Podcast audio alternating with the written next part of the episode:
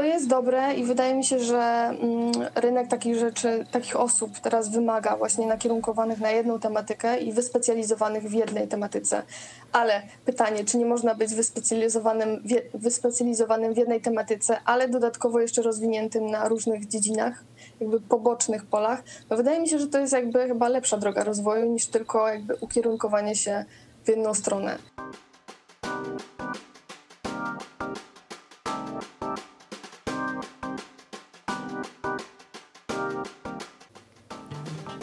Witam serdecznie, to jest podcast Czego nie widać, a dziś moim gościem będzie Anna Nanka Piękoś, którą możecie znaleźć na Behance właśnie jako Anna Nana Piękoś, albo też na jej Instagramie nanka.pix przez C oczywiście. Będziemy rozmawiać o tym, w jaki sposób łączyć pracę i hobby i jak to zrobić, żeby aktywnie odpoczywać, nadal nie tracąc inspiracji cały czas rozszerzając swój warsztat. Będziemy też rozmawiać nieco o erotyce, w związku z tym mam nadzieję, że młodszych słuchaczy dzisiaj z nami nie ma. Nie będziemy oczywiście mówić o niczym wulgarnym, natomiast będziemy mówić o znaczeniu erotyki we współczesnych mediach, we współczesnych social mediach i o tym, jakie tak naprawdę cele ona pełni. Przypominam, że również Ty możesz zostać gościem tego podcastu. Wystarczy, że zgłosisz się na adres mailowy podcast małpa kapitanświatełko.pl Kapitan Światełko pisano oczywiście bez polskich znaków. Bardzo chętnie porozmawiam z Tobą na temat inspiracji i różnych pomysłów.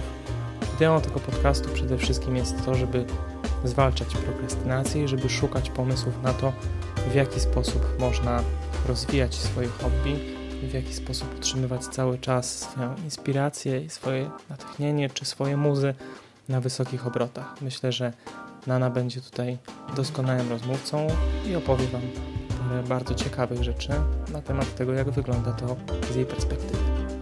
Zapraszam więc do słuchania. Jest dzisiaj ze mną Anka, czyli Anna Piękoś i porozmawiamy sobie dzisiaj na temat twórczości, przede wszystkim na temat ilustracji, grafiki i tutaj pojawiłoby się pierwsze pytanie, jak to jest, że pracując jako grafik, realizując zlecenia komercyjne, masz jeszcze czas na to, żeby rysować coś dla siebie i żeby uzupełniać swój Instagram.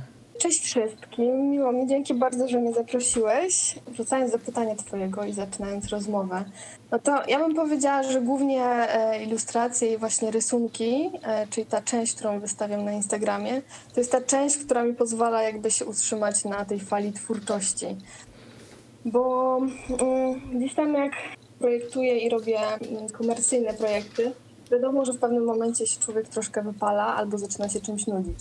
No i fajnie jest sobie znaleźć jakąś taką poboczną sferę, w którą możesz sobie skoczyć i dalej twórczo sobie podziałać, więc to jest jakby ta moja troszeczkę odskocznia, jedna z wielu przynajmniej. Czyli jesteś na tyle zakochana w rysunku i w ilustracji i w pracy z grafiką, że nawet jak kończysz komercyjne zlecenia, to masz jeszcze siłę i inspirację, żeby siąść i pomyśleć sobie, dobra, to teraz będę coś rysować tylko dla siebie. Dokładnie, dokładnie. Jakby w moim przypadku ta twórczość jest cały czas. W sensie ona jest 24 na dobę, no może w snach trochę mniej, ale ona jest cały czas i jakby żeby ją utrzymać, to ja jakby znalazłam sobie sobie.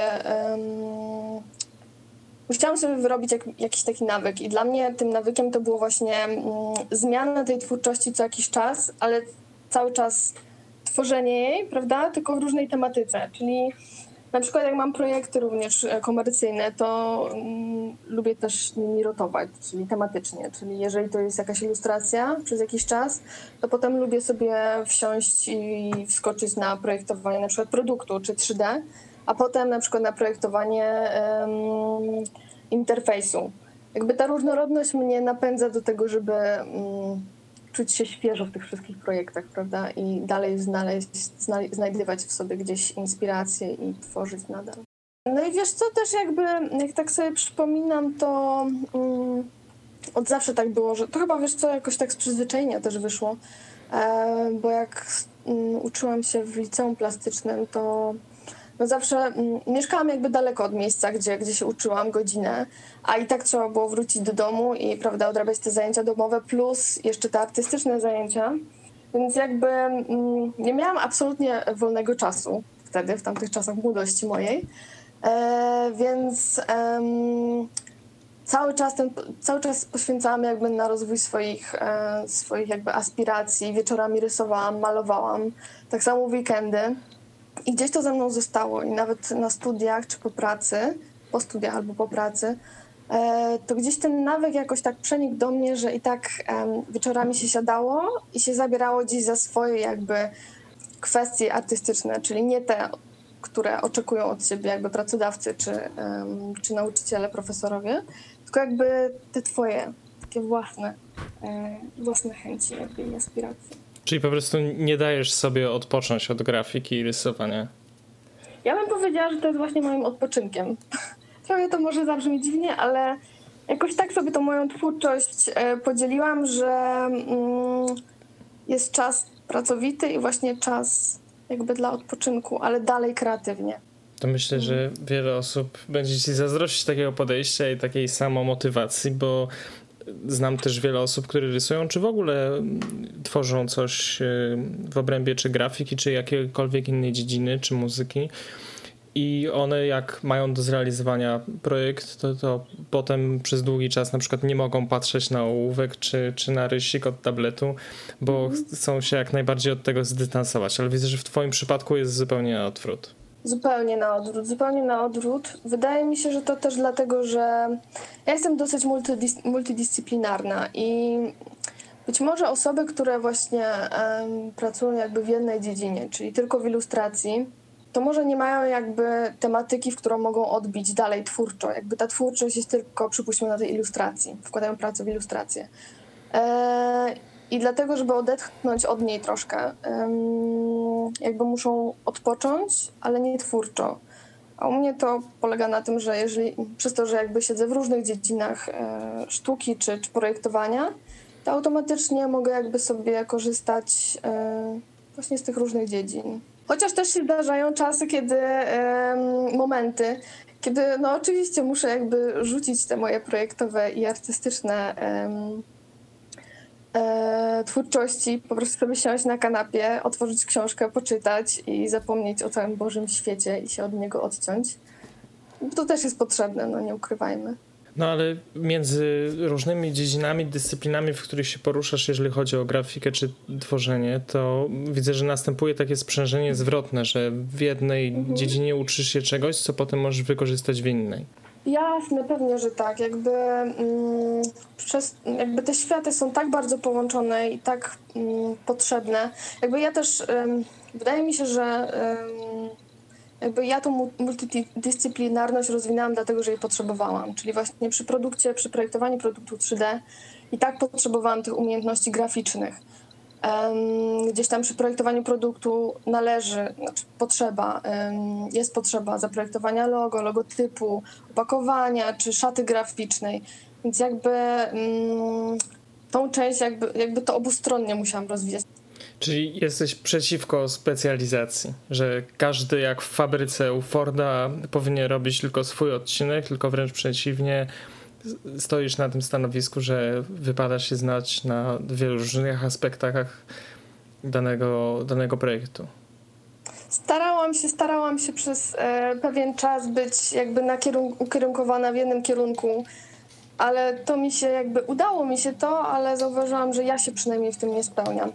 To jest dobre i wydaje mi się, że mm, rynek takich rzeczy, takich osób teraz wymaga właśnie nakierunkowanych na jedną tematykę i wyspecjalizowanych w jednej tematyce.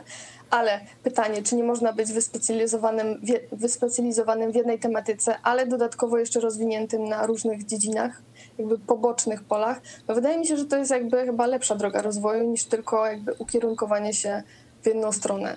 No i mm, według mnie gdzieś tam próbowanie nowych e, rzeczy, e, czy nowych e, jakby stron sztuki, e, rozwijanie się na pewno wpływa też na to, że, że człowiek trochę inaczej zaczyna patrzeć na świat, trochę inaczej zaczyna patrzeć na projekty, które e, tworzy. Jest bardziej otwarty, ma otwartą głowę bardziej. No i to wpływa na plus projektu, prawda? Więc ja, ja tam jakby propsuję takie taką twórczość i chęć jakby do rozwoju też na różnych dziedzinach, na różnych polach dziedzin. To pozwól, że zapytam Cię, jaka jest granica, jeżeli ona w Twoim przypadku w ogóle istnieje, pomiędzy hobby, sztuką a pracą? Ojejku, to jest ciężkie pytanie i no ja się z tym staram uporać jakoś właśnie, bo mm, do niedawna byłam typem osoby, które, która siedziała nawet do trzeciej nad ranem i robiła po prostu projekty i gdzieś się te szlaki, prawda, zacierały. Te drogi się zacierały pomiędzy pracą, a pomiędzy jakby tym hobby. Teraz już jakby jak staję się troszeczkę starsza, prawda, zaczynam trochę doceniać inne rzeczy w życiu i inne ży rzeczy w życiu poszukuję trochę, więc staram się troszeczkę to rozgraniczyć. Ta granica powinna być, no powinna być, jeśli się nie chce oszaleć trochę, ale w momencie, kiedy, e, kiedy ta praca staje się albo jest nieoderwalną częścią e, twojego jakby życia i to jest twoje hobby, no to dlaczego to rozrywać? W sensie, wydaje mi się, że to jest osobiste jakby, to trzeba sobie samemu jakby wypracować gdzieś tam tą, ten sposób na to, żeby, żeby sobie to wypoziomować. Jakby rozdzielić, wydaje mi się, że przynajmniej w moim przypadku e, to nie wychodzi i nigdy nie wyjdzie, ale wypoziomowanie tego, umiejętność tego jest bardzo potrzebna. No i trzeba sobie to wypracować przez duży okres czasu. No właśnie, wydaje mi się, że najcenniejsze w tym wszystkim, co mówisz, jest to, że udało ci się wypracować też sposób na odpoczywanie przy dalszym jednoczesnym tworzeniu. Czyli to nie jest tak, że jak skończysz jakąś ilustrację czy jakiś projekt, to uznajesz, że to już jest koniec ołówek w kąt i teraz pora się zacząć zająć czymś innym. No dokładnie, to zdałeś mi właśnie sprawę, że zdam sobie sprawę dzięki tobie, że osiągnęłam jakiś tam wewnętrzny sukces, jeśli mi się udało to wypoziomować. No i trochę tak jest. W sumie jak tak, ja tak teraz czuję, że, że, że tak mniej więcej od roku, od pół roku gdzieś sobie to wypracowałam. I jest mi z tym bardzo dobrze, także polecam. Przyszło to łatwo? Przyszło to łatwo, czy na początku musiałaś się zmuszać do tego, żeby dalej, mm, żeby na przykład aktywnie odpoczywać dalej przy rysowaniu? Co różnie to było, ale ja zauważyłam to po sobie tak, że mm, jak chciałam aktywnie odpoczywać i nadal rysować, prawda? I jak te rysunki nie wychodziły, a dalej w głowie było to y, ciągłe jakby naciskanie na samą siebie, że dalej, dalej, idź dalej, a w pewnym momencie już się łapiesz na tym, że kurczę, no to nie idzie dalej, no i co teraz? No dalej masz iść, no nie. Stop, po prostu e, odpocznij sobie w jakiś sposób, troszkę się od tego odetnij, właśnie odskocz sobie może w jakąś inną dziedzinę, albo znajdź sobie jakiś inny sposób na to, żeby jakby odreagować. Odpocznij, wróć do tego i zupełnie jakby inaczej się pracuje nad tym wszystkim. Pytam cię o to dlatego, że wiele osób, które zajmuje się jakąkolwiek dziedziną sztuki czy, czy tworzeniem czegokolwiek, ma często taki problem, że po zrealizowaniu projektu, czy po zrealizowaniu jakiegoś odcinka projektu myślą sobie, dobrze, to teraz jest pora na odpoczynek i ten odpoczynek nie sprowadza się do tego, żeby dalej sobie rysować coś dla siebie samego, tylko mm, sprowadza się do tego, żeby obejrzeć 11 odcinków swojego ulubionego serialu. E, więc czasem ten odpoczynek może trwać zdecydowanie dłużej niż praca. Więc mhm. zastanawiam się, jak ci się udało przekonać samą siebie do tego, że może niekoniecznie serial, ale teraz rysowanie czegoś dla siebie to, to będzie właśnie twój, twój sposób. U mnie to wygląda tak, że ja trochę nie lubię swojego umysłu tak pozostawiać um, bez jakby rozruchu, bez, tak żeby pozostawał bezczynny. To chyba też wychodziło jakby z mojej potrzeby, dlatego że jakby w moim życiu jest też dużo takich komercyjnych projektów i ja zauważyłam przynajmniej, że mm, ten odpoczynek taki e, typowy właśnie, tak jak nazwałeś to przy serialu, mój mózg i trochę jakby tą twórczość, ona troszkę się jakby schodzi w dół, prawda, troszkę się uspokaja, I, a ja nadal jej potrzebuję jakby, żeby utrzymać te wszystkie projekty gdzieś tam na topie, potrzebuję, żeby, te, żeby ta twórczość była dalej wysoka, jakby na wysokim poziomie. Więc jakby automatycznie ja musiałam sobie wyrobić taką, taki sposób, tak żeby ten odpoczynek był nadal twórczy, prawda? Tak żeby to. Tak żeby ten odpoczynek nie uspokajał mnie, tylko nadal, um, żebym nadal była na twórczych obrotach, ale troszeczkę lżej. Więc wydaje mi się, że każdy musi sobie znaleźć gdzieś swoją własną jakby niszę. Coś takiego, co dzięki któremu nadal będzie mógł odpoczywać ale prawda nadal będzie twórczy, nadal go to będzie pchało gdzieś tam do, do tego, że że jak skończy ten odpoczynek, to będzie nie tylko wypoczęty, ale ta kreatywność będzie odświeżona, ale ona nadal będzie. Przynajmniej u mnie to tak wygląda i dlatego ja jakby tak, mm, tak prowadzę swój odpoczynek, że tak to nazwę. No dobrze, słuchaj, pora wreszcie poruszyć temat Twojego Instagrama, bo wydaje mi się, że jest on też tutaj bardzo interesujący. Zanim do niego przejdziemy, to chciałem Cię zapytać, czy e, w momencie, kiedy gdzieś pokazujesz komuś portfolio, jakiemuś komercyjnemu klientowi, który będzie u ciebie zamawiał e, jakieś, e, jakieś grafiki, ilustracje czy modele 3D, e, czy twój klient jest świadom istnienia tego Instagrama, o którym, o którym mam na myśli?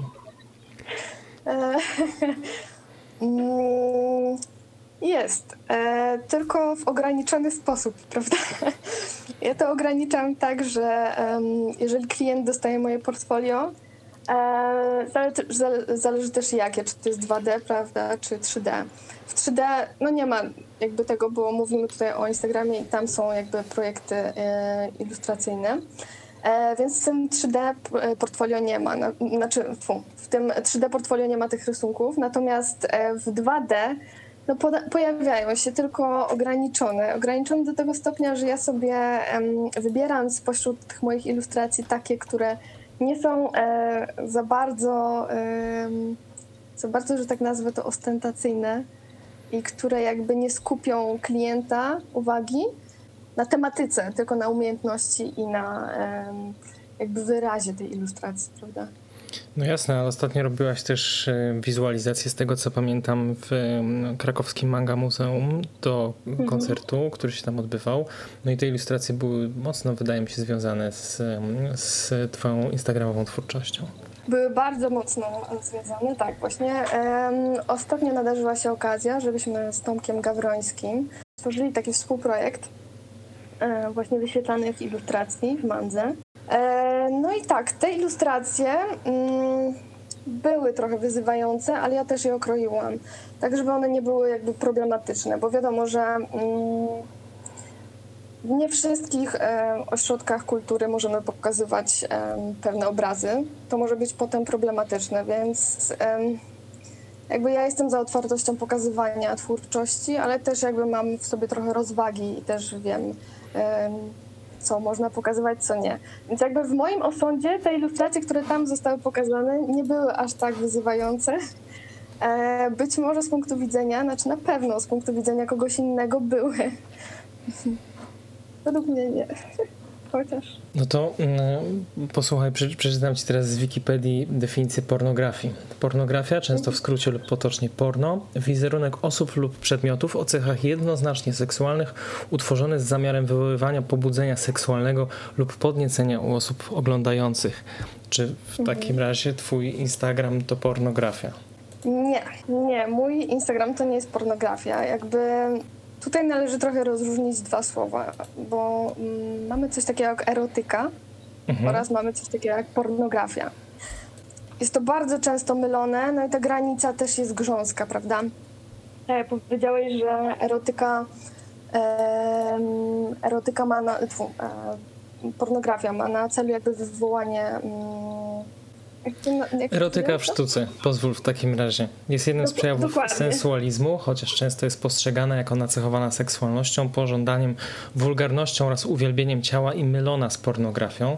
Reprezentatywnym mhm. wyrazem erotyki są szeroko pojęte dzieła sztuki, utwory literackie, fotografie, firmy, rzeźby i obrazy dotyczące zmysłowości i miłości. Dokładnie. I jeżeli spojrzysz sobie na mój Instagram i na na tą twórczość, którą ja tam prezentuję, ja bym ją zaliczała bardziej do erotyki. I dlaczego? Dlatego, że mm, i to jest to, co też zauważają moi odbiorcy i z czego się bardzo cieszę, że to zauważają. E, I zaznaczają i nawet do mnie piszą, że mm, w tych rysunkach jakby znajdują dużo zmysłowości i relacji. Relacji pomiędzy jednym człowiekiem a drugim człowiekiem.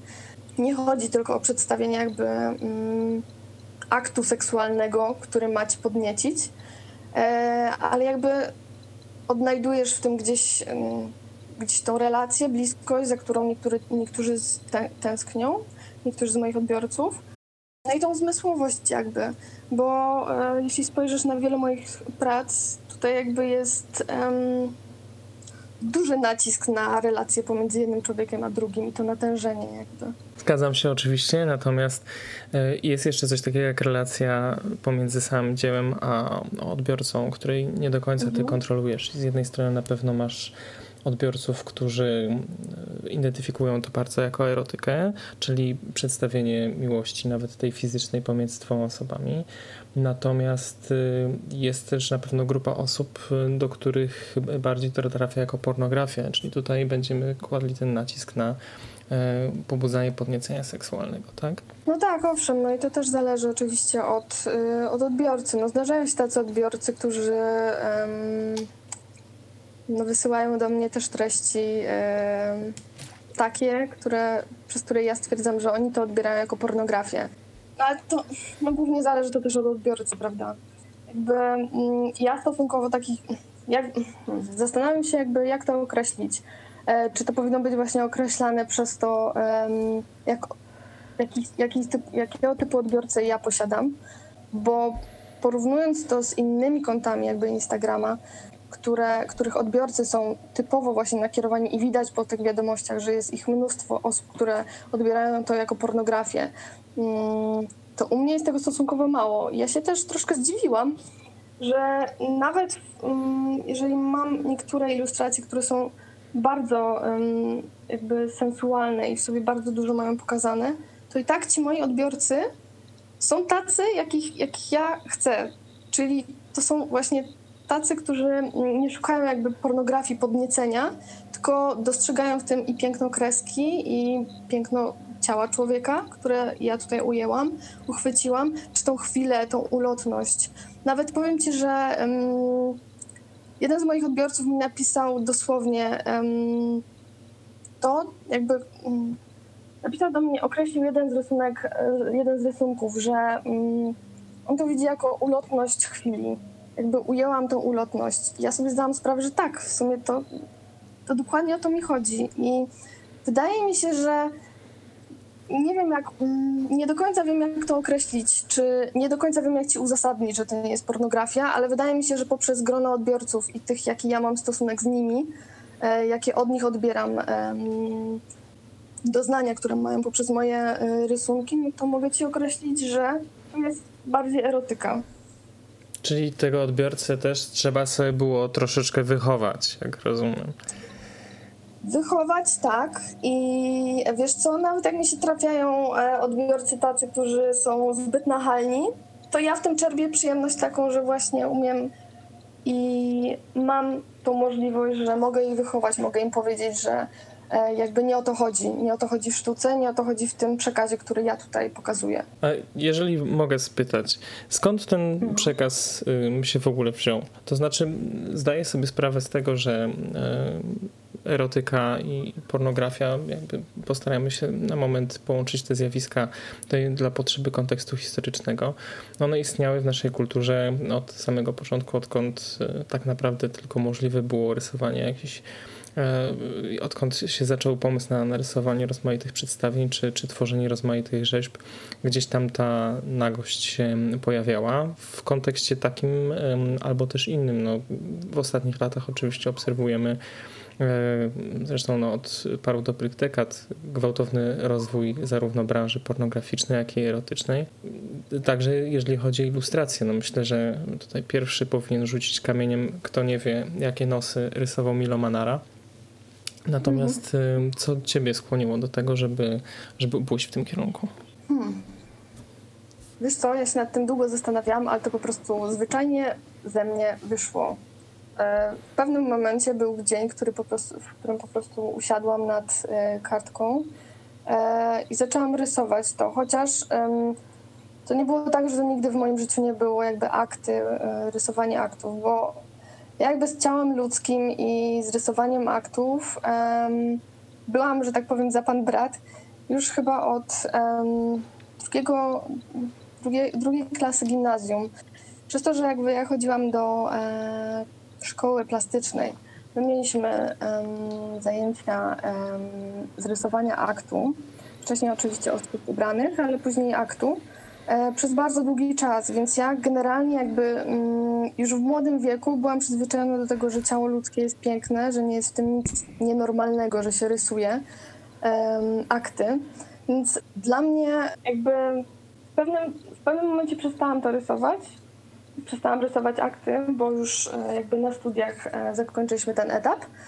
Ale po prostu w pewnym momencie do tego wróciłam i wydaje mi się, że to też było z potrzeb emocjonalnych gdzieś tam.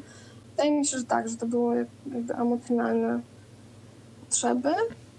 Ale też jakby ja jak rysuję, to rysuję w, w różnych momentach jakby swoich, e, swojego życia albo emocji, że tak powiem. Więc te emocje też pobudziły mnie do tego, że, że powróciłam do tego trochę w inny sposób, bardziej w sposób ilustracyjny niż jakby studyjny aktu. I zazwyczaj jak tworzę te rysunki, to właśnie to jest przypływie pewnych emocji, różnych emocji. Złości, zwątpienia, e, miłości, tęsknoty, także... Rozumiem. Wiesz, y, wydaje mi się, że przynajmniej każdy samiec, który miał kiedykolwiek w ręku długopis, przeszedł w swoim etapie, w swoim życiu etap rysowania męskich członków e, na marginesach zeszytu. Zresztą. I takich animacji, pamię... prawda? Z paru kartek. tak. To nie... nawet ja się przyznaję w podstawówce. Nie pamiętam teraz tytułu filmu, ale y, któryś y, film taki, y, komedia młodzieżowa o próbie zdobycia alkoholu na imprezę się zaczyna właśnie od takiego monologu, że któryś z bohaterów tego filmu miał taką etap, taki etap rysowania wszędzie wielkich, nabrzmiałych penisów.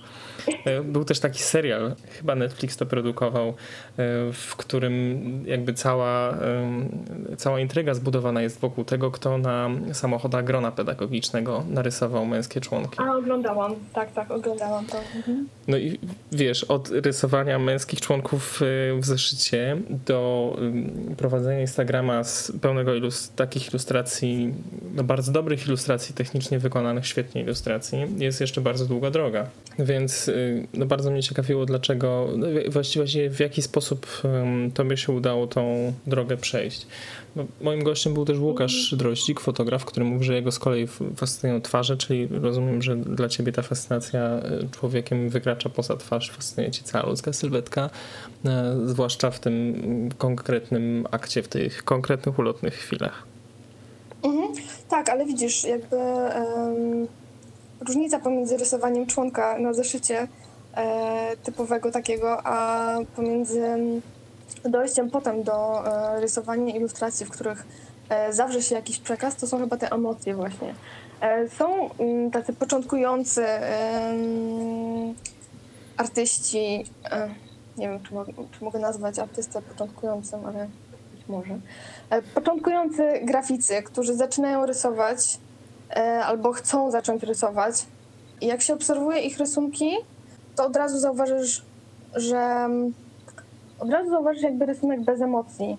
Jakby wydaje mi się, że tutaj dużą składową ilustracji musi być muszą być emocje. To wtedy jest zupełnie, zupełnie jakby ta granica jest o wiele, wiele większa. Nie wiem, czy rozumiesz. No zgadzam się z tobą. Oczywiście no jakby jestem świadom tutaj, drodzy słuchacze, jeżeli jesteście w domu i nikt akurat wam nie zagląda przez, przez ramię, to jak mówi 34 reguła internetu, jeżeli coś istnieje, to jest również porno na to oparte. Jest taka strona reguła 34, Rule 34 po prostu się nazywa, nie pamiętam jak tam ma rozszerzenie. E, I tam e, jest mnóstwo nieprawdopodobnie złych ilustracji, które są oparte właśnie nie o emocje, tak jak mówisz, ale przede wszystkim o chęć pokazania jakiejś, no nazwijmy to, wulgarności w, tym, w tej całej tej akcie, bo chodzi po prostu o o samą czystą fizyczność tego bez, bez idących za tym, jakby widać, że po prostu są to prace tworzone bez e, zrozumienia tego, na czym tak naprawdę powinna wyglądać, na czym powinna się opierać e, relacja pomiędzy, pomiędzy partnerami w trakcie aktu. Mhm, dokładnie, dokładnie. To uchwycenie właśnie tej chwili, która jest pomiędzy partnerami w trakcie aktu jest najpiękniejsze. No dobrze, ale jeszcze skądś y, inspirację do tego wszystkiego musisz czerpać. Gdzieś tam trzeba warsztat y, uzupełniać i cały czas go szlifować, więc y, skąd te pomysły u ciebie? No z życia wzięte, mój drogi. z życia wzięte. Um, no, no tak, no e, jakby um, to, co rysuję, jak już wcześniej nazwałam, to są moje chwile ulotne, gdzieś wspomnienia, e, tęsknota, chęć. Niekoniecznie niektóre z nich to są chwile przeżyte, ale to też jest gdzieś wyobraźnia ale jakby staram się rysować to, co jakby ja przeszłam, ale też nie można tego odbierać dosłownie, bo niektóre, anim, e, niektóre animacje czy ilustracje jakby um, przekazują pewien obraz, ale tutaj często nie chodzi o dosłownie obraz, tylko jakby odczucie tego, gdzieś tam jakiś smaczek, który uczucie jakby, e, które jest przekazane przez tą ilustrację, którą jestem świadoma, że chyba czasami tylko ja widzę, a odbiorca widzi zupełnie coś innego. Więc tak. No właśnie, ty jakby na tym Instagramie też, który prowadzisz, na swoim jednym i na drugim koncie, które zresztą mają wymienne informacje pomiędzy sobą, czyli z jednego można trafić na drugie, nie kryjesz się, że tak powiem, z tym, kim jesteś, więc y, jest takie ryzyko, że dla osób w internecie, który wiadomo nie jest najbezpieczniejszym miejscem jakie można sobie wyobrazić. Dla niektórych takich osób e, jesteś po prostu nierozwiązalnie związana jako artystka ze swoim dziełem, w związku z tym mogą odczytywać to zupełnie na opak i nie wiem, czy obawiasz się tego, chociaż no, powiedziałaś, że spodziewałaś się, że będzie tego więcej, ale że jacyś e, ludzie uznają to właśnie za propozycję czy za wyzwanie, to co rysujesz. Jak na razie, e, jeżeli chodzi o tą komercyjną część e, mojego życia, nie spotkałam się z tym, żeby ktoś e, powiedział, że albo żeby ktoś zareagował tak oceniająco mnie w negatywnym tego słowa znaczeniu, w negatywny sposób jakby, co też mnie dziwi. Ostatnio właśnie miałam, spotkałam się z jednym takim przedstawicielem jednej firmy i właśnie w portfolio były moje projekty. E, ale on absolutnie nie był jakby tym zniesmaczony ani zniechęcony do dalszej współpracy. Wręcz powiedział, że, e, że świetne są te rysunki. Teraz jak sobie przypominam drugiego przedstawiciela, też dosyć, znaczy bardzo dużej e, firmy, dziesięcioletniej, to też bardzo mu się spodobały. Jakby jestem dalej zdziwiona i trochę się boję gdzieś punktu takiego, gdzie naprawdę się sparzę gdzieś na jakiejś relacji z innym człowiekiem na poziomie zawodowym ale do tej pory mi się to nie przytrafiło. Negatywnym tylko dźwiękiem może być to, znaczy negatywnym dla mnie przeżyciem może być to i są takie, a teraz sobie przypomniałam troszeczkę, ale widzisz, to jest, e, miałam takie sytuacje właśnie, że e, w momencie jak zaczynałam pokazywać gdzieś ilustracje, to ktoś, e, to ten odbiorca albo e, osoba, z którą ja miałam nawiązać współpracę, bardziej na mnie zaczął, jakby zaczynają na mnie patrzeć e, przez pryzmat tego, przez pryzmat jakby seksualności, prawda? I to już mi przeszkadzało. Jakby im nie, wadziło, nie wadziła im tematyka jakby e, tych prac, ale mi wadziło to, w jaki sposób oni mnie odbiera, odbierają, prawda? Czyli zaczynali mnie odbierać jako osobę, jako kobietę, która jest wyzwolona, która na pewno chce jednego i jest otwarta na wszystko. I to już był, to jest już dla mnie duży problem. Wyobrażali sobie, Ale... że Sasha Grey przyszła czytać książki ich dzieciom. Dokładnie, dokładnie, dokładnie tak. Dokładnie tak, ale ja zauważyłam różnicę taką, że te osoby, które y, są na poważniejszych stanowiskach, to z nimi tego problemu nie miałam. I wydaje mi się, że to są osoby, które bardziej poważnie do tego wszystkiego podchodzą.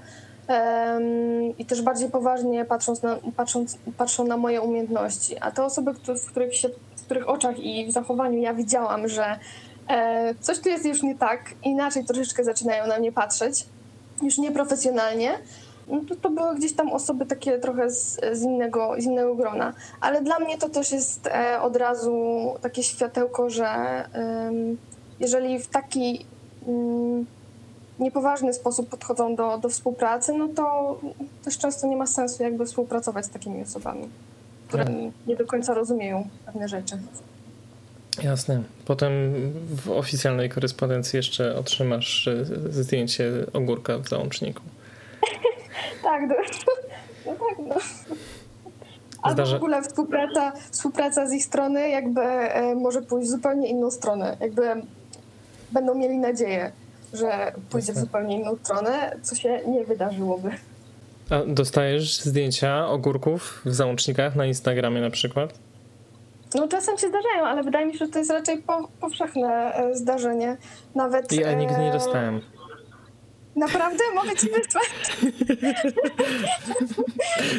Ale wydaje mi się, że na Instagramie to jest akurat normalne. Nawet dla e, do dziewczyn, które nie prowadzą Instagramów e, z taką tematyką, to również przychodzą e, różnego typu zdjęcia. Nawet na, na moim prywatnym koncie, gdzie, prawda, no, można przejść z jednego konta na drugie, e, jakoś się powiązać, ale osoby, które jakby nie mają świadomości, że rysuję takie rzeczy, to i tak na moim koncie prywatnym też często dostaję takie, e, takie wiadomości, więc wydaje mi się, że to jest po prostu e, fenomen Instagrama i e, niektórych e, typów. No nie wiem, tak jak mówię, nigdy nie dostałem, natomiast z tego co pamiętam, to moja koleżanka, która mm, jest cosplayerką i bardzo często występuje na różnych imprezach renesansowych, średniowiecznych, to ona ma profil na Instagramie właśnie, gdzie ma dużo zdjęć w do takich średniowiecznych renesansowych strojach, które z definicji raczej powinny być mhm. skromne w przypadku kobiety i ona mówi, że ma skrzynkę po prostu pełną e, zdjęć męskich członków. No bo cosplay to też jest tematyka, która e, jest dużą częścią pornografii, więc jakby no też pewnie e, wielu panów mm, ich wyobraźnia idzie do przodu na pewno. No. Ale na przykład no dla mnie to, co, co jest gorszą częścią Instagrama od przysłowiowych ogórków na, na DM-ach, to jest cenzura, którą wprowadzają.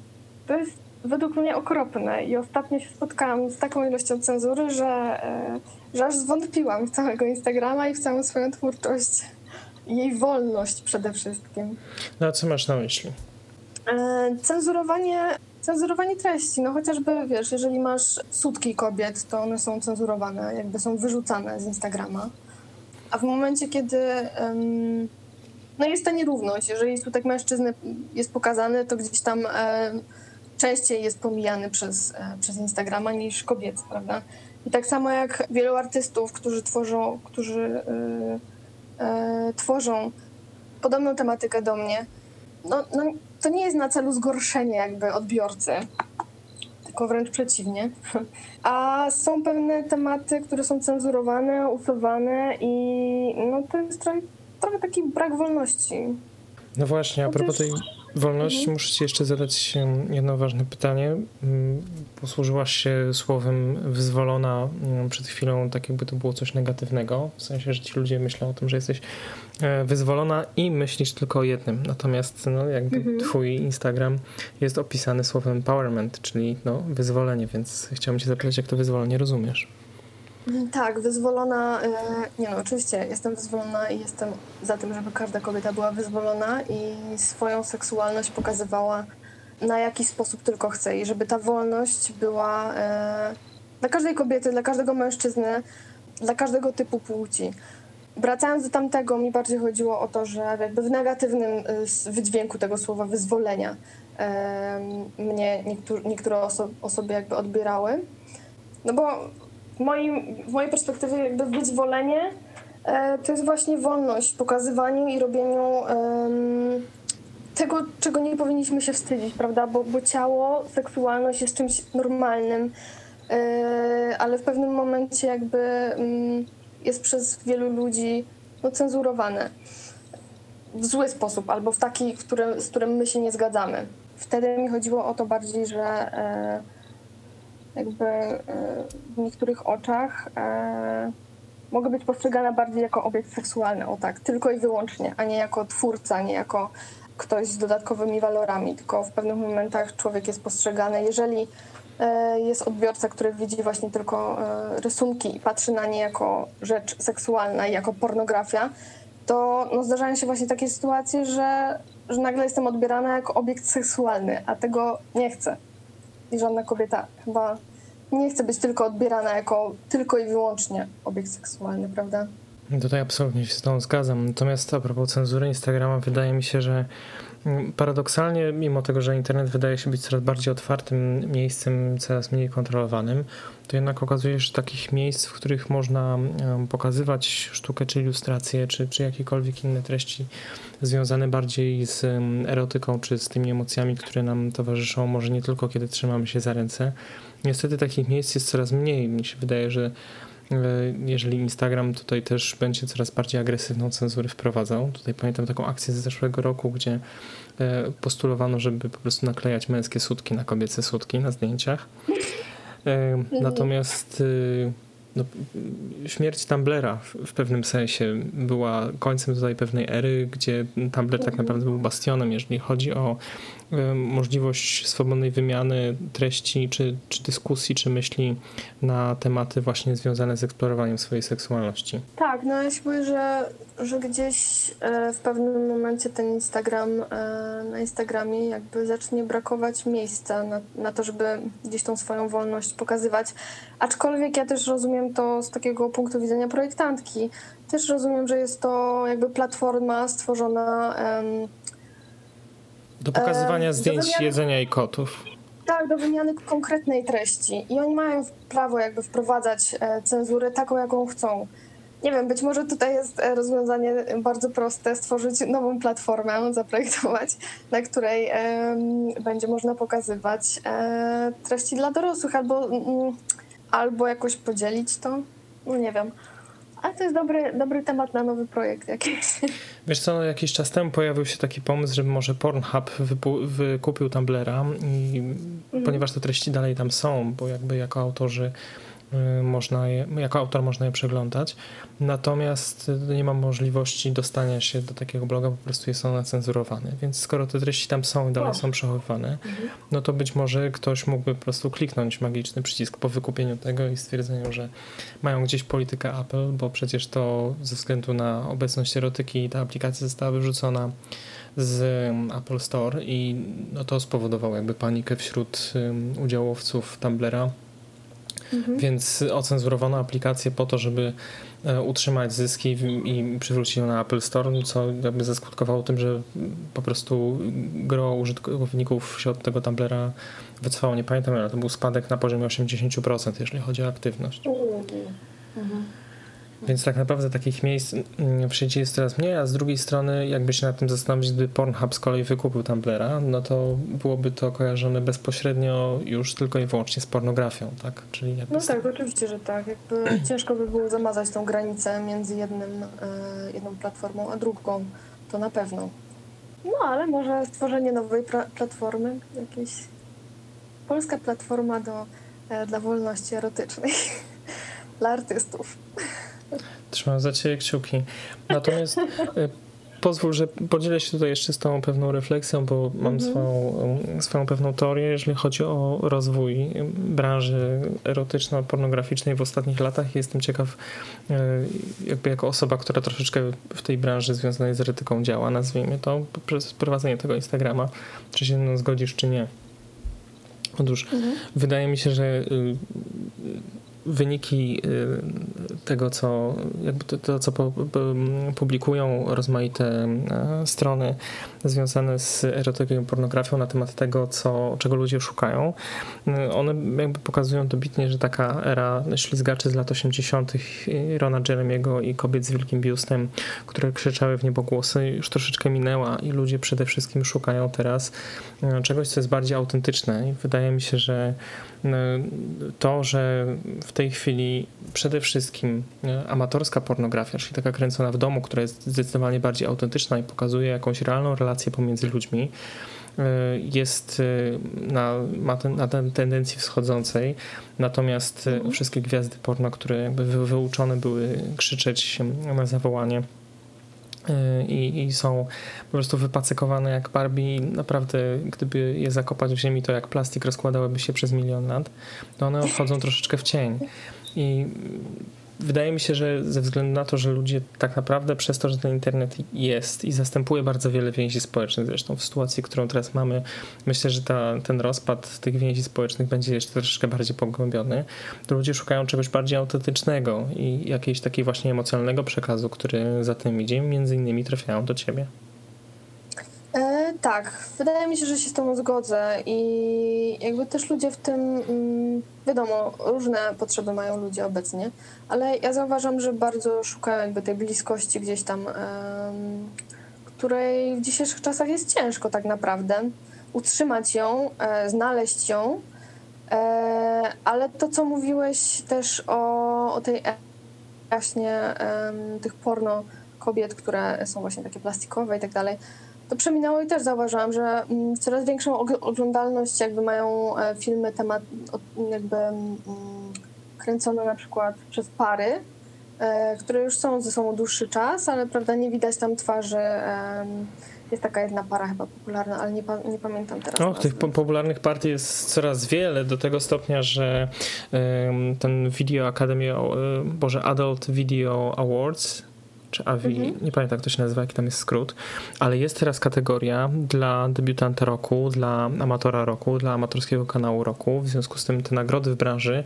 są przyznawane właśnie mhm. nie tylko tym wszystkim gwiazdom z wielkimi nazwiskami, które są powtarzane od lat te same, natomiast są mhm. też przyznawane właśnie przede wszystkim takim ludziom, którzy, którzy kręcą rzeczy w domu. Tak, tak, tak, tak, dokładnie, dokładnie tak, ale właśnie, bo mówiłam, że jest jedna taka parka, która jest bardzo, bardzo popularna i wydaje mi się, że to o to chodzi, że jakby e, przez to, że ludziom, ludzie, ludziom brakuje tej bliskości, jakby tej więzi, która gdzieś tam w naszym społeczeństwie jest zatracana, e, w szybkim społeczeństwie, e, szybko żyjącym, to być może właśnie znajdują to te swoje braki gdzieś właśnie w takich filmach bardziej, gdzie, e, gdzie to współżycie jest bardziej takie realistyczne, prawda? Jest, e, nie jest takie mechaniczne, jest bardziej sensualne, prawda?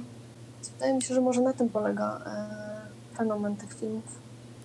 Czyli zaryzykowałbym tutaj stwierdzenie, że twoje prace też są raczej do tego, no, żeby płakać przy nich z tęsknoty za czymś, co się utraciło albo czego się nie ma, niż za tym, żeby zamykać się z nimi samym w łazience. Mm, płakać z tęsknoty do czegoś, czego się nie ma, to absolutnie jakby nie, nie, nie chcę nikogo zmuszać do płaczu ani z tęsknoty. Jeżeli ktoś za czymś tęskni, to hej, chodź do przodu i działać z tym. Um, do. Powiem ci, że bardziej do, do, do pobudzenia własnych chyba emocji seksualnych.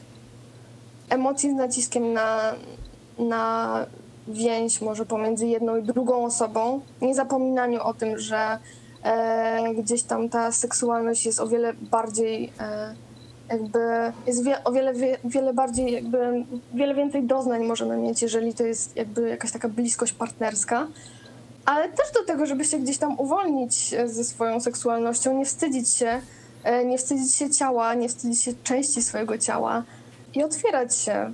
To powiedz mi, jeżeli ktoś do, teraz... Do bliskości, do, do bliskości też się otwierać, bo znam parę osób, które jakby przez ten tłok i przez ten e, pęd dzisiejszego świata jest bardzo dużo jakby problemów emocjonalnych, które, e, które jakby stopują ludzi przed e, otworzeniem się do innych ludzi, przed zaufaniem. Jakby ja też sobie to zauważam, więc jakby też odwaga do tej bliskości chyba. No. No to powiedz mi, gdyby ktoś teraz zainspirowany Twoimi słowami postanowił, że to jest właśnie dziedzina, w której chce się rozwijać i również chciałby wyrazić siebie poprzez ilustrację no, w ten sposób, od czego najlepiej zacząć?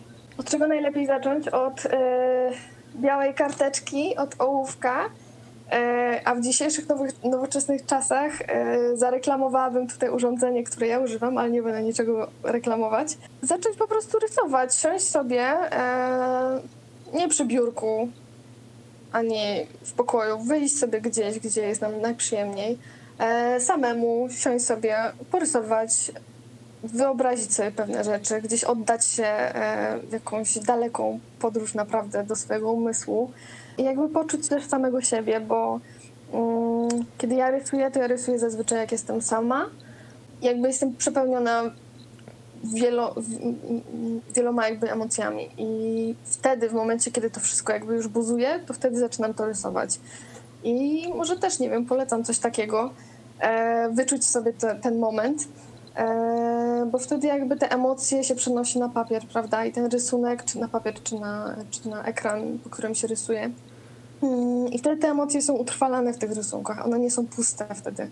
Mnie, mnie najbardziej boli, jak e, właśnie są rysunki takie, no widać po nich od razu, jeżeli są jakieś puste, bez, bez emocji. Wtedy, wtedy jakby odbiera się chyba największą część, część e, tej przyjemności, kiedy możesz coś odebrać z rysunku, kiedy widz może odebrać e, z rysunku, czy z dzieła, czy z produktu.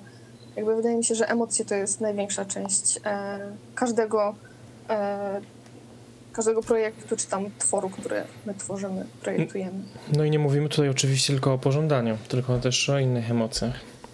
Tak, dokładnie, oczywiście, że tak. Jakby pożądanie to jest um, jedna z wielu emocji, ale właśnie tak jak wcześniej wspomniałam, czy tęsknota za kimś, czy złość. Złość to jest bardzo piękne, e, piękna emocja. Ona pcha do wielu e, jakby e, kreatywnych rzeczy. No i wiele, szereg innych e, emocji. Ja nie wiem, czy złość pcha do wielu pięknych rzeczy. Mnie na pewno złość nie popycha do edycji zdjęć.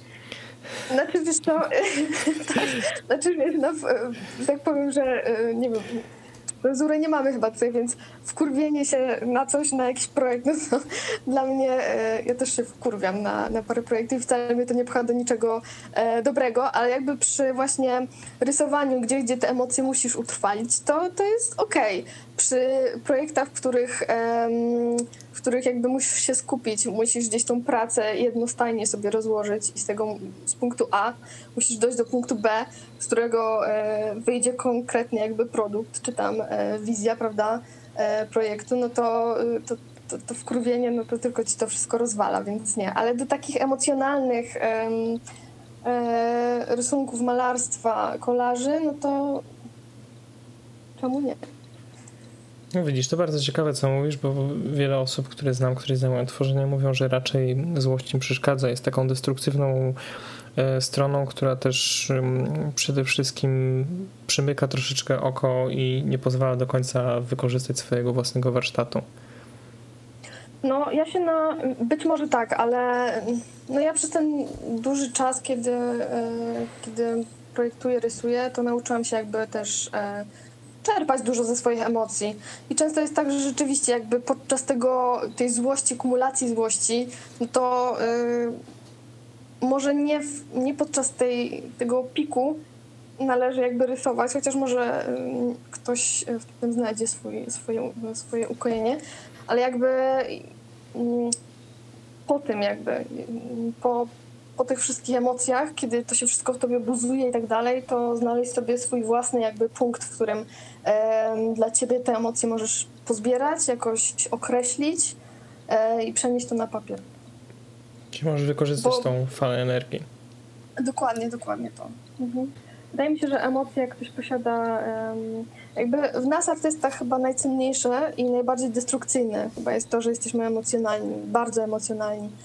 E, bo takie, do takiego życia w społeczeństwie dzisiejszym to jest strasznie destrukcyjne, ale w momencie, kiedy projektujemy coś, kiedy rysujemy, na przykład dla mnie jako projektanta produktu i zrozumienie e, też użytkownika, to ta emocjonalność jest najważniejsza.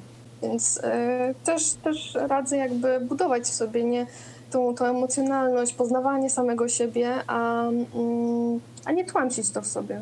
Bardzo proszę, konkretne porady, również autoterapeutyczne. No, no, w takim razie ostatnie już pytanie w trakcie naszej mhm. dzisiejszej rozmowy. Y, chciałbym, żebyś naszym słuchaczom, czy też mnie, polecił jakiegoś artystę. Niekoniecznie to musi być w ramach medium, którym, w którym działasz. To równie dobrze może być muzyk czy, czy pisarz, ale ktoś, kto cię w jakiś sposób inspiruje i kto wywołuje u ciebie dużo pozytywnych emocji. Hmm.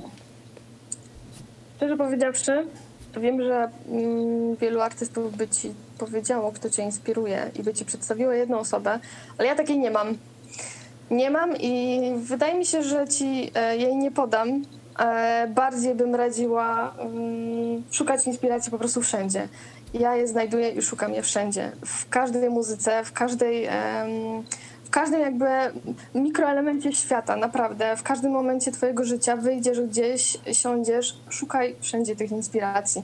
Dla mnie ja, jak, jak brakuje mi jakiejś właśnie takiej e, cząstki inspiracji albo gdzieś pchnięcia dalej, to absolutnie nie siadam nad, nad, nad twórczością kogoś innego, nie przeglądam Pinteresta, Instagrama itd., tak itd., tak nie odtwarzam sobie konkretnej jednej muzyki, e, tylko poszukuję, po prostu udaję się na taką podróż poszukiwania i obserwowania. Więc ja bym tutaj bardziej poleciła po prostu e, jedną, jedną największą inspirację mojego życia, czyli świat dookoła e, każdego z nas i obserwowanie, otworzenie oczu na wszystko, do góry, nie tylko pod nogi, ale e, wszędzie dookoła siebie. No proszę. Dziękuję Ci w takim razie Nana bardzo serdecznie. Ja również. Myślę, że bardzo wiele konkretnych y, informacji, bardzo wiele konkretnych porad i sugestii. Y, no i co? Życzę Ci powodzenia. Jak najmniej ogórków w skrzynce odbiorczej na Instagramie. No, e, też sobie życzę jak najmniej ogórków, chociaż też e, zauważyłam, że e, część e, z, z twórców po prostu robi screeny i udostępnia to publicznie i wtedy już nie dostaje kolejnych ogórków, więc to też taka rada. Dziękuję ślicznie również. Dzięki serdeczne. Do usłyszenia. Do usłyszenia.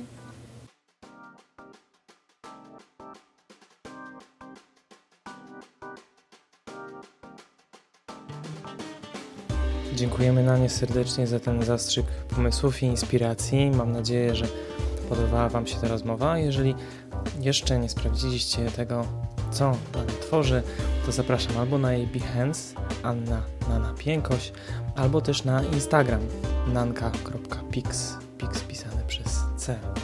Mnie znajdziecie na mojej stronie internetowej, czyli kubakaj.eu. A jeżeli pomyśleliście sobie w czasie słuchania tego podcastu, hej, ja też mam coś do powiedzenia, też mogę wypowiedzieć się na temat swojego procesu twórczego i mam parę rad, którymi mogę się podzielić na temat tego, jak to zrobić, żeby nie zatrzymywać się swoim tworzeniu i nie odwlekać swoich pomysłów na później w nieskończoność.